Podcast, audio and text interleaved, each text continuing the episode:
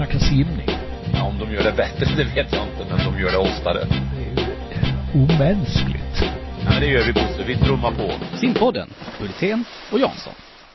Eftersnack till EM, det, det är ju alltid intressant. Eh, eftersnack till eh, eh, tävlingar överhuvudtaget. Och idag har vi simpanelen med oss, så nu får vi ju väldigt mycket tankar om, om EM. Eh, Marcus, har du följt Eh, Europamästerskapen slaviskt i television eller överhuvudtaget? Eh, ordentligt tycker du?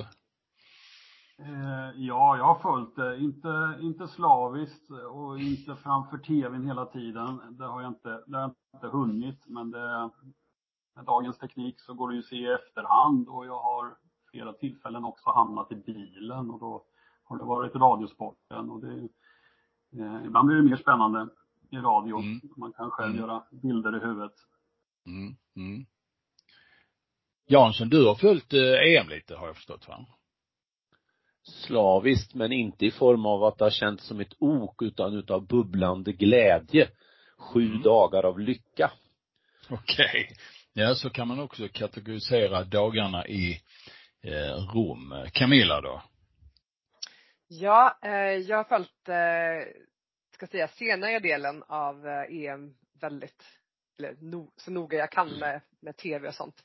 Eh, första dagarna inte så mycket eftersom eh, vi var ju nere i Malmö på öppet vatten-SM.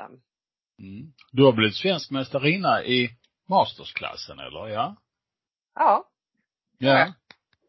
Oj, oj, oj, vi gratulerar. Det känns skönt att det är någon som är simkunnig i det här gänget i alla fall. Eller hur Jansson? Yes. Ja, som simmar fort i alla fall. Ja. Simkunniga hoppas jag vi är. Så är det nog. Men eh, ska vi säga att eh, första diskussionspunkten är hur, hur, hur upplever ni EM sådär i eh, ett större perspektiv? Om, om ni skulle titta just på det här EMet och jämföra med er erfarenhet tillbaka i tiden, vad, vad, vad säger du då Marcus? Eh, ja, eh, för det första så är det fantastiskt att se den här miljön som är nere i Rom. Eh, det häftigt att det var utomhus och, miljön med träden i bakgrunden. Riktigt snyggt. Det får mig att tänka på att jäklar, det där skulle vi göra i Sverige snart. Så jag ser ju framför mig ett EM i Stockholm på Eriksdalsbadet utomhus med månläktaren där, eller den här halvmånen, och bygga upp det till en riktigt häftig arena. Eh, så, så drar mina tankar iväg. Det, ja, men du tänker på, på resultatnivå, den biten? Ja, jag tänker lite allmänt sådär. Resultatmässigt om du upplever fyra svenska guld, eh, är det bra i ett eh, kontext av en historia sedan 1926 eller eh, var det svagt bakom eller hur upplever du det? Eh, ja, vi kommer ju den här medaljrankingen. Jag tror att vi är sjätte plats så det är ju, ju väldigt bra. Eh, vi har bra lok fortfarande som vi, som vi surfar på. Sara Sjöström, hon, hon leder ju det här laget och eh, är eh, huvudperson i alla, alla medaljer utan, utan Louise där då. Så det, det är bara att njuta så länge hon håller på och håller den här nivån. Eh, och jag kan tänka mig om vi jämför med våra närmsta grannar, eh, de nordiska länderna, så, så tittar de nog väldigt avundsjukt på oss. Eh, våra resultat. Mm. Eh, det trillade väl in en dansk medalj igår va, om jag inte mm. minns fel och Finland fick en men Norge har det tufft. Vi har gjort bättre EM absolut men ja, jag, jag är ju så upprymd av den här sista avslutningslagkappen så den tar ju över väldigt mycket när man man ska summera, för det var en riktigt fin, fin avslutning och verkligen någonting att bygga vidare på. Eh, det här är ju ett lag som har varit i, i världseliten eh, och eh, vunnit VM-guld till exempel och nu har man bytt ut två stycken simmare och man, man fortsätter att leverera på den här nivån och blir Europamästare. Det, det är ju en styrka, absolut. Thomas, du som har eh, ännu mer erfarenhet än Marcus eh, när det gäller Europamästerskap, din känsla? Ja, jag har gjort lite stödanteckningar om, om man då skulle generalisera kring EM och säga att egentligen ett ganska mediokert Europamästerskap om man tittar på helheten, helheten, vad som krävdes för vissa medaljer, vad som krävdes för vissa finalplaceringar. Men helt förståeligt med tanke på den komplicerade säsong man kommer ifrån och de senaste åren med eh, corona och så vidare. Eh, sen kan jag ju notera då att eh, det blev ju mer än storslam för Italien som både satsade på det här behövde inte åka på samväldesspelen och hade fullt fokus på det här.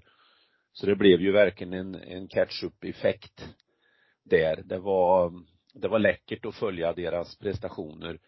Eh, sen eh, med tanke på det Marcus sa om, om eh, de nordiska grannländerna så lyser de just nu med sin frånvaro. Så är det ju faktiskt. Eh, Danmark har gått ganska kraftigt tillbaka jag har inte eh, haft någon dialog på senare tid med mina danska vänner om, om deras eh, funderingar kring det. Och Norge som sagt när Henrik Christiansen till exempel inte är i form blir ju också tunna så att eh, eh, utan att gå in på Sveriges insatser så var det ett trots den fina miljön som det är på den där platsen så blev det lite grann ja, ett EM i mängden. Mm. Camilla? Eh, min, mitt intryck av det här EMet, det var väl att det började lite mer så här i bakvattnet. Men att det blev en väldig fest sen i slutet. Och det är ju mycket på grund av, som ni har redan tagit upp det här, eh, själva arenan och eh, publiken. Eh, hela stämningen verkar ju bara lyfta det här. Så att det kändes som en otrolig fest. Eh, och det gjorde ju, tror jag, att den, eh, många höjde sig ändå några snäpp extra. Det blev liksom, man såg ändå en tydlig uppsnäppning genom tävlingen, tycker jag. Speciellt om man kollar på de svenska insatserna så ser man att ju längre de tävlar desto bättre blir de flesta. Just det här att eh, man utvecklas och, och tävlar sig i form. Eh, vad kan det ha för betydelse och vad är anledningarna till det, Thomas? Vi har ju några gånger varit inne på det där temat eh, och, och tagit då en liten grov jämförelse mellan eh, friidrott och simning där friidrotten har så kallad en tävlingssäsong där man till och med inför ett sånt här EM tävlar bara kanske två dagar före och, och fem dagar före och så vidare medan eh, simningen av tradition och kultur har haft annat upplägg. Men det är ju väldigt mycket som tyder på när eh, några prövar Eh, om vi tar ett enskilt exempel så har vi ju Michelle Coleman för ett par år sedan som gjorde en helt otrolig höst där hon tävlade på helg efter helg. Men vi har många, många fler exempel så att eh, jag landar ju i att eh, det är kanske för ett antal simmare som borde tävla mycket, mycket mer eh, i fas in mot ett mästerskap. Det känns ju som om en del simmare inte riktigt visste vad de skulle göra på de första loppen under EM här. Att man eh, disponerade på ett väldigt eh, konstigt sätt sina lopp och sen, men allt eftersom man ställde in siktet ju bättre gick det. Kan det bero på då bland annat att man tävlar för lite Camilla? Ja, det var just det jag tänkte säga att vi är så duktiga på att tävla i kortbana. Det är ju där vi har vår största säsong. Eh, så att de loppen, där är man ju ganska väl intrimmad på.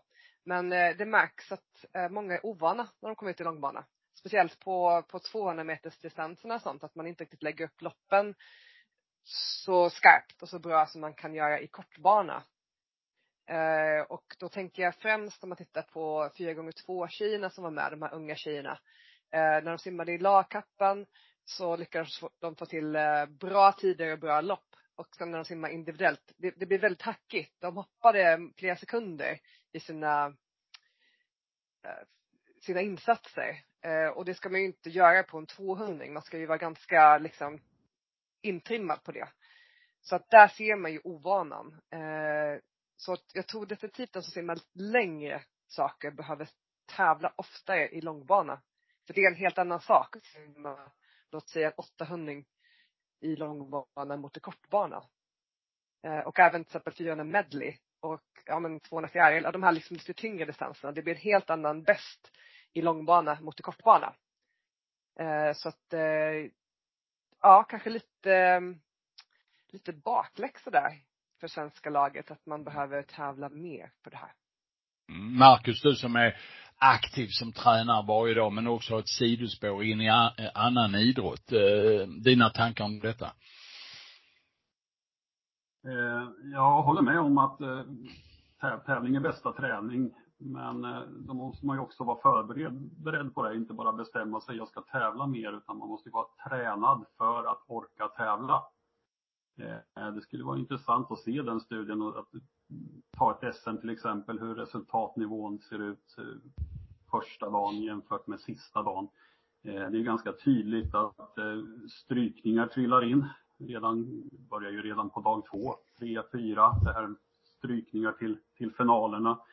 Och helt plötsligt så, så kommer ju alla med. Vi pratar dag fem, sex på ett SM.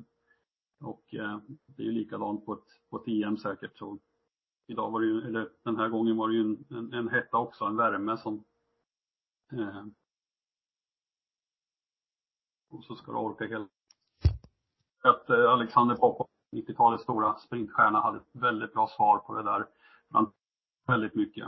Och eh, han fick ju frågan väldigt ofta varför, varför tränar du så mycket? Du tävlar ju bara upp till 100 meter. Det korta snabba svaret var jag, jag ska ju orka finalen också. För att orka en helt mästerskap med ett helt OS och det allra viktigaste loppet kanske är då finalen 50 frisim sista dagen. Det gäller ju att vara tränad för att, att göra det här. Hela vägen fram och vara som i rätt lopp. Det var väldigt tydligt här nu om man var inne och tittade i startlistan på EM, eh, antalet lagkapslag som strök sig sista dagen. Eh, det följde, jag tror att det var sex eller sju lag på herrsidan och fyra, fem på damsidan som strök sig. Och det är ganska mycket. Ungern stryker till exempel sitt dammedleylag. Eh, när förekom det? Ehm, um, jaha, ska vi, ska vi på något sätt bolla över till svenskarnas insatser? Uh, de har vi kommenterat lite på simman naturligtvis va. Men Thomas, du är inne på det att det, det är spridda skurar här och, och skriver också någon dag att när man åker mot ett sånt här lag så riskerar man naturligtvis fler missar. Eh, det vill säga att fler simmare inte uppnår sina bästa resultat. Eh, kan du vidareutveckla det lite? Nej men det är människor, det är ju människor och inte maskiner och det innebär ju att eh, ju fler personer och, och ju fler lopp som körs så klart att det kommer att bli ett antal avvikelser som inte egentligen är kopplad till direkt till form eller utan det, det ligger lite i sakens natur. Så i det perspektivet tycker jag att eh, truppen egentligen klarade sig ganska hyfsat. Inte på topp, det finns i historien mästerskap där vi har med stora trupper varit på helheten bättre men eh, ett ganska svårt läge med många nya unga och så vidare så, så ehm, jag tycker ändå att det blir en godkänd insats. Eh, däremot vill jag ju gärna kommentera medleylaget ur ett eh, lite historiskt perspektiv. Eh, vi har ju en, en tradition inom lagkapp i svensk simning som sträcker sig väldigt långt tillbaka och sen har vi haft olika perioder av eh, Eh, där vi har då varit framgångsrika. Till exempel så hade vi 40-50-talet då det var, och en bit in på 60-talet då det var fyra gånger två och det var herrar. Sen kom vi till 70-80-talet, då var det fyra gånger 100 och det var herrar. Sen blev det en återgång till eh, fyra gånger två som var framgångsrikt och det var det herrar. Men sen någonstans där under den här kortbaneeran som började i slutet utav 90-talet eh, Eh, och mycket tack vare Kronax ingång och satsning på, på det här och på damer så började det ju bli eh, framgångar på damsidan. Märktes till exempel att man vann 4 gånger 100 medley såväl i Istanbul 99 som i Helsingfors 2000. Och den där traditionen har lite grann eh, levt vidare och jag tror det var Marcus som sa förut att vi har en, nu en, under flera år varit en världsnation på 4 gånger 100 medley. Och så är det faktiskt. Alltså fyra, nej 3.54.27 som är svenska rekordet som vi gjorde väl i OS-finalen. 3.55 som vi tog silver på VM 2015 och så nu 3.55 och några tiondelar alltså i den kanske eh, på, i mitt tycke på ett vis den mest glamorösa lagkappen att ha en simmare i varje simsätt. Vi har ju haft tradition på frisim mycket i Sverige, men det här med att lyckas i en medleylagkapp, eh, jag tycker det är stort. Det var eh, jättemäktigt att se gårdagens lagkapp. Mm. Härligt att höra, sa Sjöström efteråt också. Eh, när hon kommenterar eh, frågan. Och hur kände du dig då när, när eh, du skulle växa över Louise, eh, över efter Louise? Ja, då var det ju inte en chans för de andra lagen, sa hon ungefär så va. Och det är skönt att ha en simmare på slutet som, som har den inställningen och vågar ha den och som också vågar tala om det. Utan att eh, förhäva sig på något sätt. För det är ju så, det var ju sanningen. Det var ju spade som var en spade va. Eh, inget annat. Men jag måste ändå, även om laget simmade bra så måste man ändå, tycker jag, eh, ge ett plus i kanten till eh, hon som eh, dyrkade upp guldlåset eh, och slå, slå pers på startsträckan. Eh, Hanna Rosvall. Det var bra. Riktigt, riktigt bra var det. Eller? Nej men jag, jag skulle vilja lägga till där. Nej men det, jag, jag tyckte det fanns två stycken frågetecken inför den, jag tippade ju att de skulle vinna och jag gick igenom lite resultat och så och när, när jag och, och jag kunde inte se egentligen att vi skulle förlora den där lagkappen. Men det fanns ju två frågetecken. Det var ju vart landar Sofie som inte är i form när det ska bo ännu mer press och stress i simningen. Vi vet hur känsligt bröstsimmet är va. Det var ju en sån där faktor, det kunde ha blivit 1.07 och delar istället. Hon landade rätt. Och sen att vara den där eh, psykologiskt utsatta simmaren som simmar ryggsim också i en kultur där vi alltid har gnällt oftast av, av, av eh, riktiga skäl att vi är för tunna på ryggsimmet. Det är en svår sits, så visst, eh, Hanna och Sofie tycker jag dyrkade upp eh, guldet. Mm. Ja, det kändes ju som jag upplevde det helt klart efter två sträckorna efter de fina loppen de hade gjort där naturligtvis. Men jag tycker det är starkt att kunna öppna och det visar ju också att dels att hon har utvecklats de senaste åren, har utvecklat sin långbanesimning. Hon har ju varit duktig på kort bana, men det är en 57-simmerska i kort bana va, som aldrig riktigt har kommit loss. Det är väl först den här säsongen som hon är under 1.02 på långbana, tror jag. Eh, och, och sen också att, att göra när precis när det behövs va. Det tyckte jag var väldigt, väldigt duktigt. Hon, hon har faktiskt utvecklats i Helsingborg. Notabelt är egentligen att det är tre stycken eh, simmerskor från samma klubb eh, i laget. Jag vet inte, det, det brukar inte betyda någonting egentligen men, men det är ju tre stycken tjejer som kommer från samma region i alla fall. Det tycker jag är, är starkt. Det är bra jobbat av Helsingborg där med mycket hjälp av framförallt amerikanska universitet. För jag tror aldrig, som du säger Thomas, en Sofie utan den bakgrunden i USA som hon har haft, hon har aldrig stått upp i den dåliga formen och simmat på 1,06 eh, i lagkappen. Då hade hon gjort 1,08,5 utan eh, backningen mentalt från USA-träningen. Min åsikt. Mm. Har vi mer att säga om svenska insatser? Grabbar, tjejer kontra varandra. Vad säger du Camilla? Ja men eh, vi är ju tunnare på grabbsidan eh, och det är ju bara att konstatera. Eh, sen var det ju Björn Siliger, um, ehm, får man väl ändå säga, simmade bäst av grabbarna. Han har ju otroligt mycket kapacitet. Eh, man ser ju lite grann, man anar eh, vilken stor simmare han kan komma att bli. Om han nu eh, spelar sina kort rätt. Eh, sen är han ju lite, lite valpig nästan i eh, sin simning och alltså, ja, det känns som att han, eh, han behöver få lite mer erfarenhet helt enkelt. Eh, det här med att sätta upplägget och hur jag ska simma och sådär. Um, han behöver lära sig lite mer. Ja, han är väl också lite humörsimmare. Det märks ju i lagkapparna. När det känns bra i lagen, då går det, går det undan för honom. Eh, när det inte riktigt stämmer så, så är det lätt att det knyter ihop sig lite grann för honom.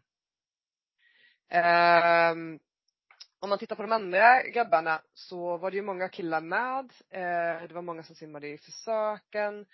Eh, jag tyckte ändå att ett, ett, ett eh, liksom kul sak, det var ju till exempel William Lulek som Lulek, ja. Ja, som simmade liksom semifinal på 200 medley och lyckas slå pers i en semifinal. Eh, man ska inte underskatta hur svårt det är att komma till en semifinal och faktiskt göra sitt bästa lopp eh, där. Det är ju verkligen en konst. Eh, så det, det ser jag som positivt att, eh, att grabbarna börjar ta för sig lite grann. Eh, det, Sen var jag lite, jag var, jag var lite, jag var lite imponerad av hans analys efter loppet också. Som jag tyckte kändes väldigt mm. vuxen och moget eh, sätt att uttrycka sig. Eh, han, han, mm. han, han tog det från rätt håll. Eh, det var kul, det var kul att höra. Jag har inte hört honom snacka innan men han har väl sagt något ord i sitt liv tidigare. Men det, det lät väldigt bra får jag säga.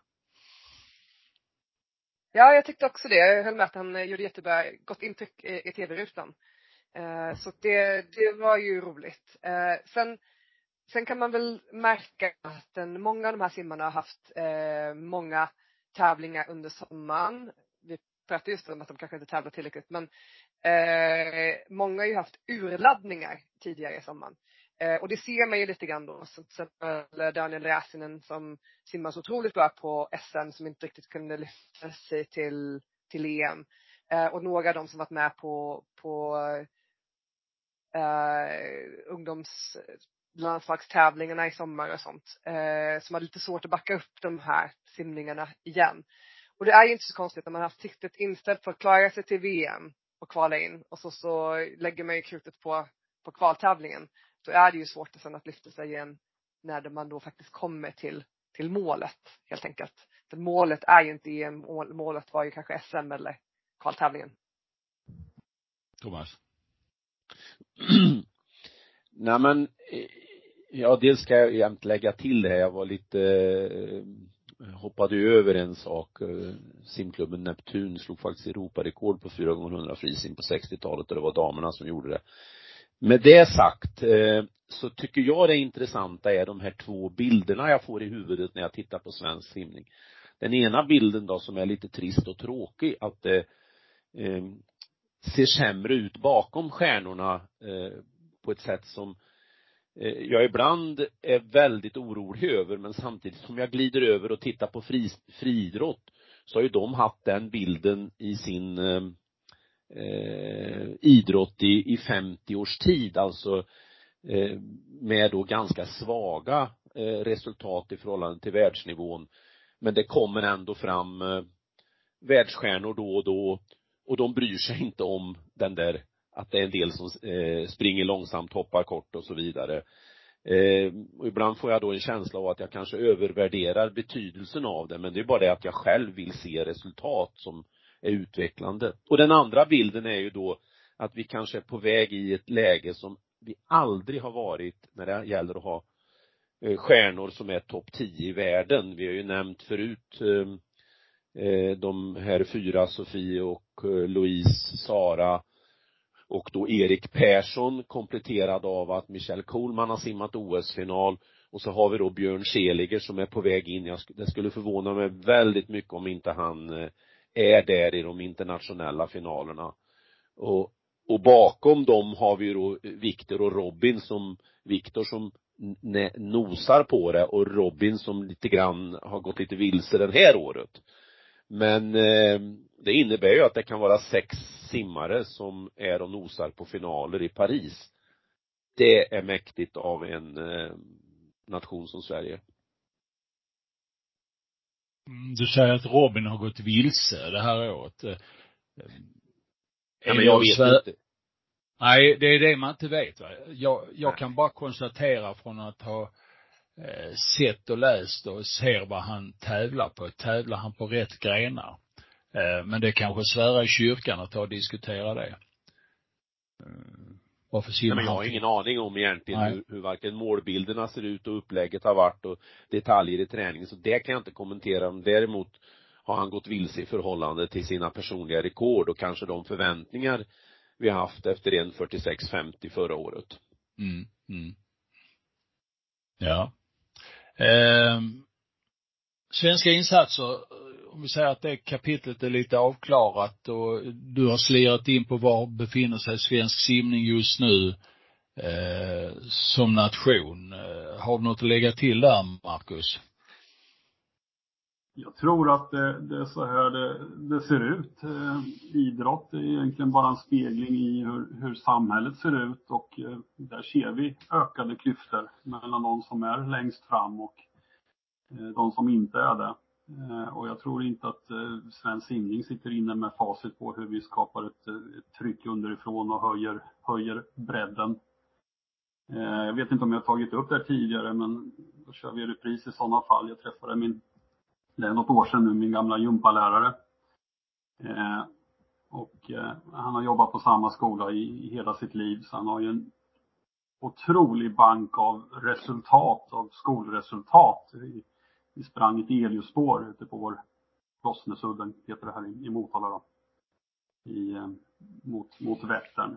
Så där har han ju han, ja, 30 års dokumentation om hur Eh, årskurs 7 till 9 springer. Så det var jag lite nyfiken på för jag vet att det är en noggrann person. Och mycket riktigt så hade han ju allting sparat. Och trenden är ju den vi ser att eh, de bästa, de springer ännu fortare. Som man sa då, när, när du gick i skolan Marcus, så, så samlades hela klassen mellan 5 och 8 minuter och alla kunde vara däremellan. Idag har vi de som springer på 4.30, men vi har också de som hasar sig runt på 15 minuter och vi har en tredjedel som inte ens kommer till plats. Eh, och det där tror jag är en spegling. Så att vi, vi får nog finnas i att kanske, ja, bredden inte levererar riktigt. Eh, och vi ska inte bara acceptera det, men svaret idag finns inte. Eh, vi ska fortsätta leta. Och jag är jättenyfiken på hur man, för jag gillar det där när man skapar ett tryck underifrån att nu gör vi en resa eh, var med på tåget. Mm. Den resan, hur mycket omfattar den Thomas? Eh, du funderar på EM och ungdoms-OS och, och också junior-VM där vi i de här sammanhangen inte är speciellt eh, duktiga. Resultatmässigt i sommar har det varit en svag eh, Eh, sommar på, på de tävlingarna. Det är ju tveklöst så och eh, kanske en liten trend till att för 15 år sedan så eh, tyckte vi en nivå som var högre inte var tillräckligt bra till att vi idag då är, ligger på en ännu lägre nivå.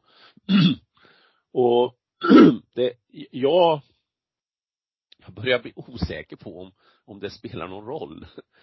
Eh, om de här eh, stjärnorna. Eh, därför var det väldigt intressant det du tog upp här, Marcus, om, om, om de här yttre faktorerna är de också som så tydligt avspeglar sig i, eftersom vi kan se eh, då hur friidrotten ser ut. Men de har sett ut så ganska länge i och för sig. Och så ser simningen ut som den gör. Nej men det är klart att eh, om inte ett facit, det är klart att vi måste sträva efter att ha betydligt bättre medaljresultat på ett SM, finalnivå för att komma till ett SM. Det är klart att vi eh, får akta oss för att hamna i att eh, årsbästa är bra nog.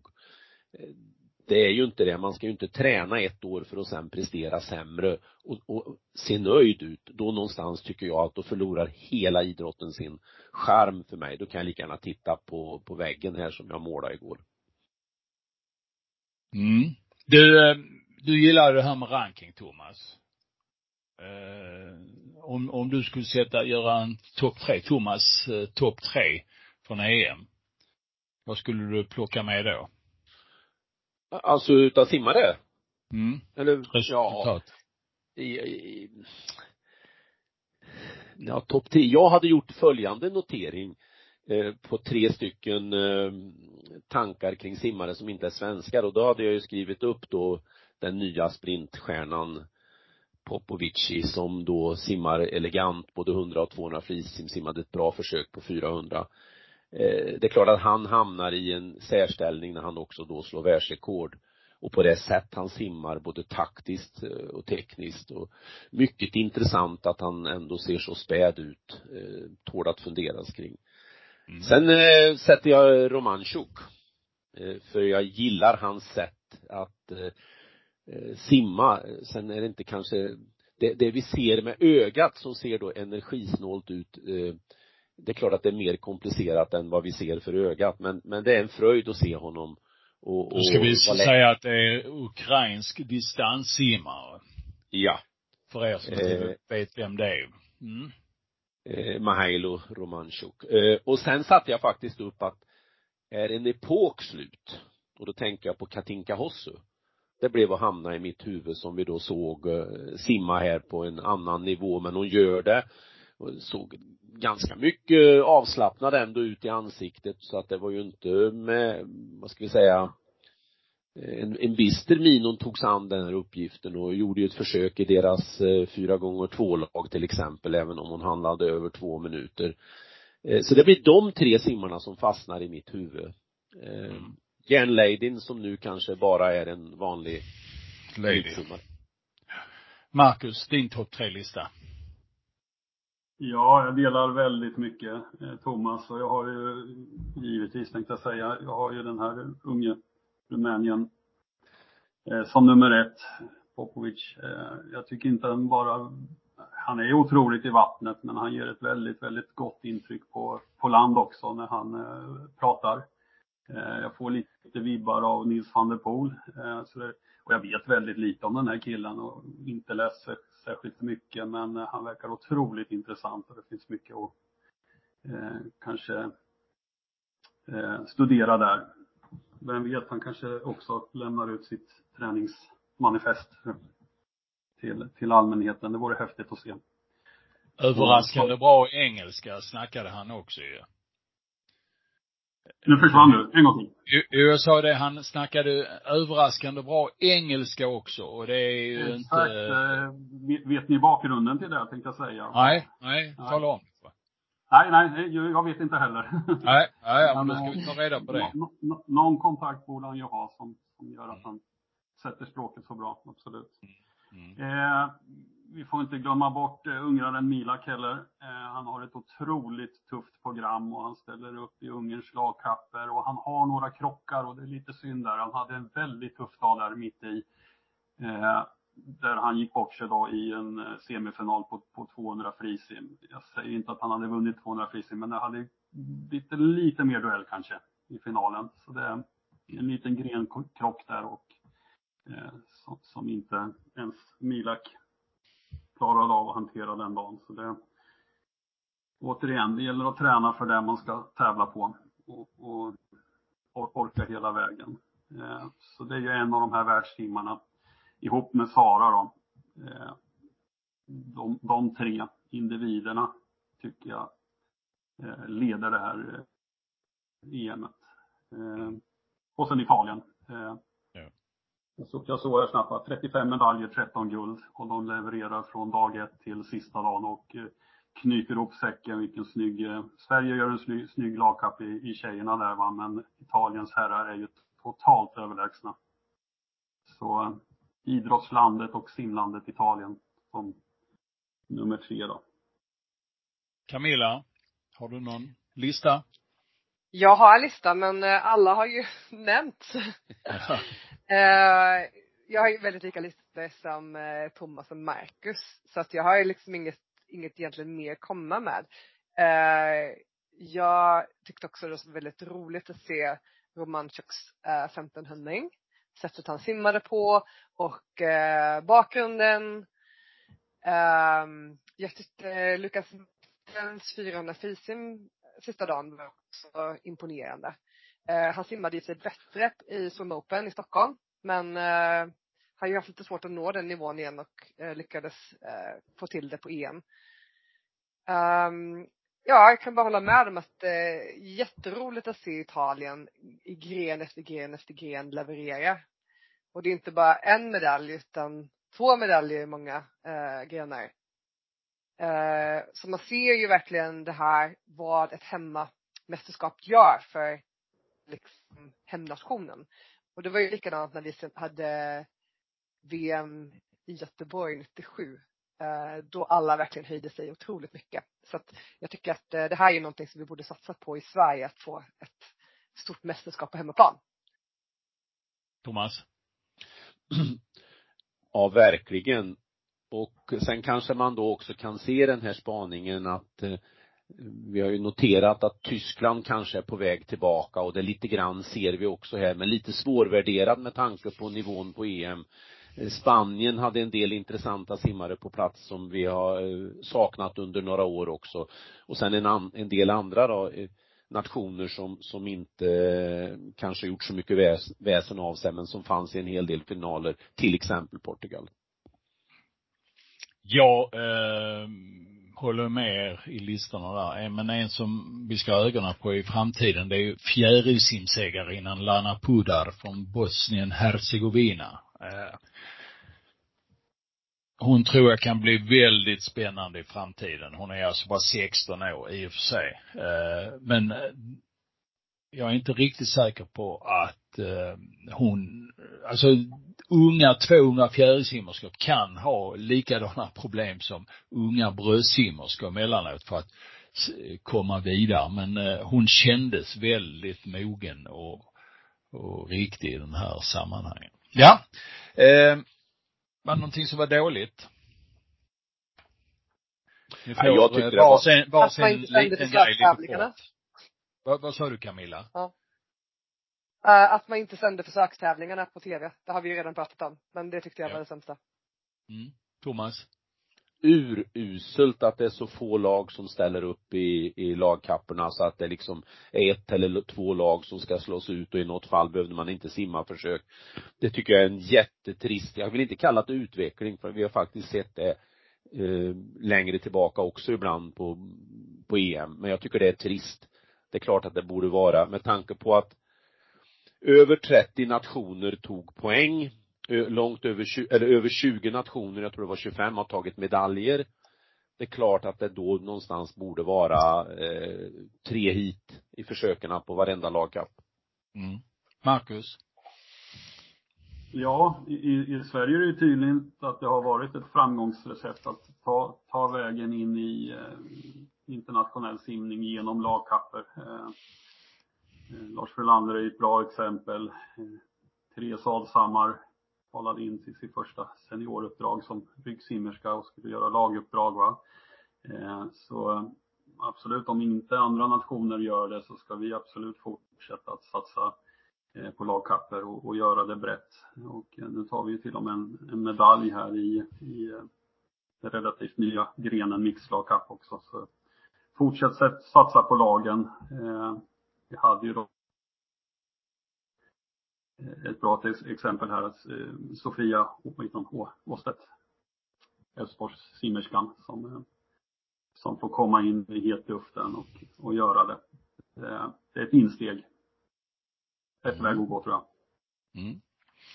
Jaha, ska vi då lägga EM till handlingarna? Vi har bara några minuter kvar här nu och så tänkte vi att vi ska hoppa över till öppet vatten-SM. gick ju i helgen, fredag, lördag, om man nu räknar det som helg. Och det gick i Malmö till Limhamn.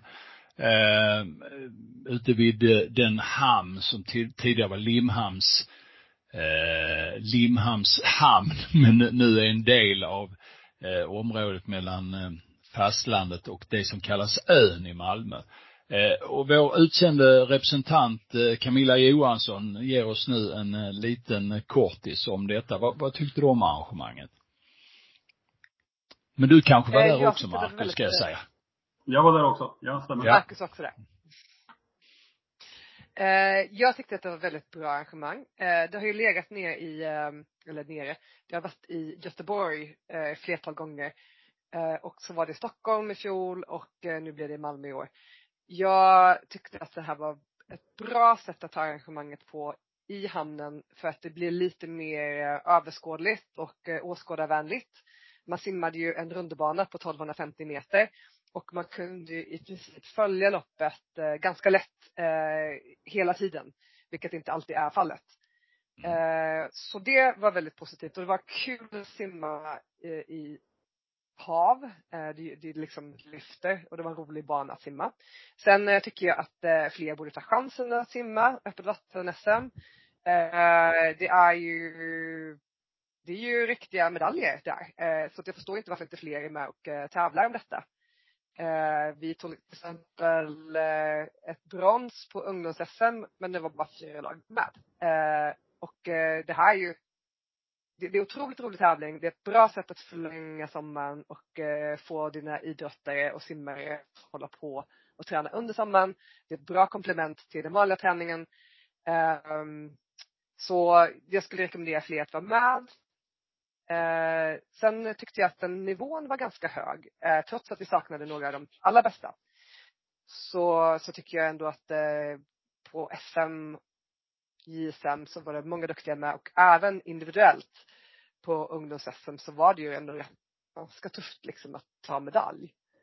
Så att eh, det, det får jag väl säga att den, jag tyckte det var, mm. det var bra och otroligt bra värde till Jeppse, mm. till dig, mm. och Malmö. Ja, jag eh, Malmö långt därifrån. bästa sida. Mm. mm. Marcus, vad tyckte du? Så tummen upp, får jag säga. Mm. Mm. Eh, jo, eh, arenan är väldigt bra. Publi publikvänlig. Det gick att följa hela, hela loppet. Eh, nackdelen när sådana här arrangemang går i större städer, det är ju att det är svårt att nå ut i bruset.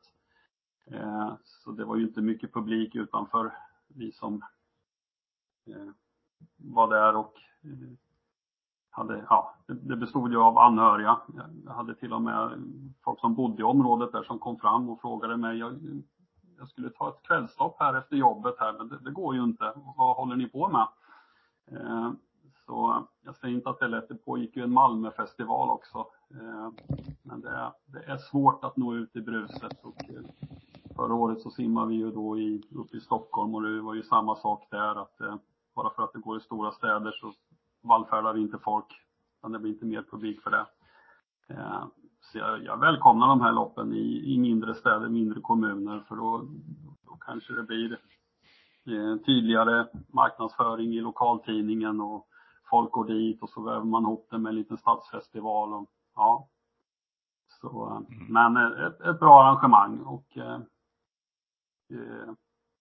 heter du, Gedel, Kristoffer Gedel simmar ju fantastiskt fint i öppet vatten och eh, det är lite synd att han inte hoppade, eh, hittade till den miljön lite tidigare. Jag säger inte att det är för sent va, men eh, han har, eh, han har skills som är användbara i öppet vatten. Sen vet jag ingenting om hans träning, om hans satsning och den biten va, men eh, han gör det bra. Mm.